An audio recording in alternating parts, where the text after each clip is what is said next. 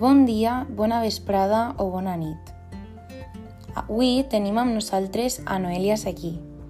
Noelia va estudiar el grau d'Educació Infantil i avui en dia és una de les lingüistes més importants del nostre país.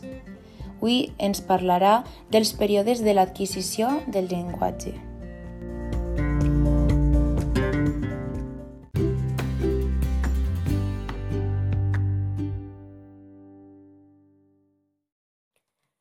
Hola a tots i a totes, soc Noelia Seguí i avui vaig a comentar les etapes per les que passa un xiquet per adquirir el llenguatge oral i, a més, els tipus de desenvolupament que pot passar dintre de cada apartat.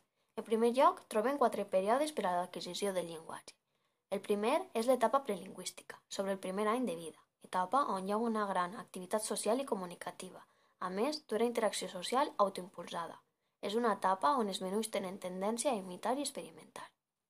El segon període d'un mot. Primer any, primer any i mig de vida, etapa on els menuts identifiquen un sol significat d'un mateix objecte. És a dir, no és la mateixa poma a un conte que a una fruiteria. En tercer lloc estan les combinacions, que és sobre el primer any i mig fins als dos anys de vida, etapa on comencen les primeres combinacions dels mots. I per últim, les frases simples i compostes, a partir dels tres anys de vida, etapa on els menús comencen a formar oracions simples i d'algunes compostes. A més d'aquestes etapes, com ja he dit abans, trobem tres tipus de desenvolupament. El desenvolupament fonològic, el desenvolupament lèxic i semàntic i, per últim, el desenvolupament de la morfologia i la sintaxi. Començarem amb el desenvolupament fonològic, que té tres etapes. L'etapa preverbal, el període lingüístic i el repertori lingüístic.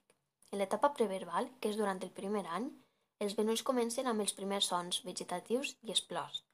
En el període lingüístic, durant els quatre primers anys, els menús comencen amb l'expansió fonològica i, per últim, el repertori lingüístic, on trobem els vocals, els nasals exceptuant la enya, els oclusius i africats exceptuant la D, els fricatius exceptuant la S sonora i les lletres G i Z i, per últim, els líquids vibrants i laterals, on comencen a pronunciar les lletres L, R, doble L i doble R.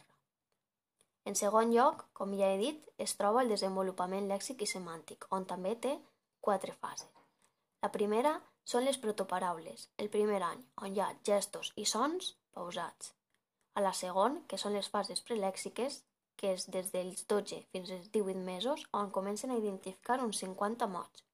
La tercera fase, que és la d'explosió lingüística, hi ha entre els 18 i els 24 mesos ja comencen a identificar entre 50 i 100 paraules i a més aprenen a combinar-les. I per últim, la frase semàntica, que és des dels 24 fins als 30 mesos i comencen a comprendre paraules i frases.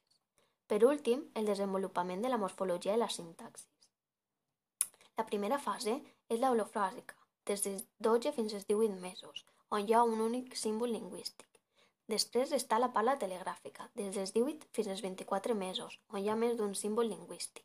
En tercer lloc està l'etapa de productivitat parcial, des dels 24 fins als 36 mesos, on els marcadors morfològics i sintàxics comencen a estar sense generalització. I per últim, la competència adulta, més de 3 anys, on comencen a expressar les seues intencions i a partir de 6 anys ja tenen una gramàtica molt més completa. Dit tot això, moltes gràcies per haver-me convidat a aquesta estona tan agradable amb vosaltres. Espere ens tornem a reunir molt pronte i una besadeta molt forta.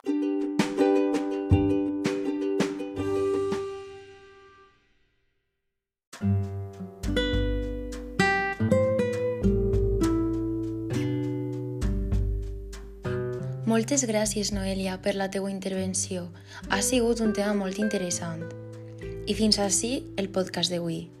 Esperem que us hagi agradat i resultat interessant. Demà tornem amb un nou podcast.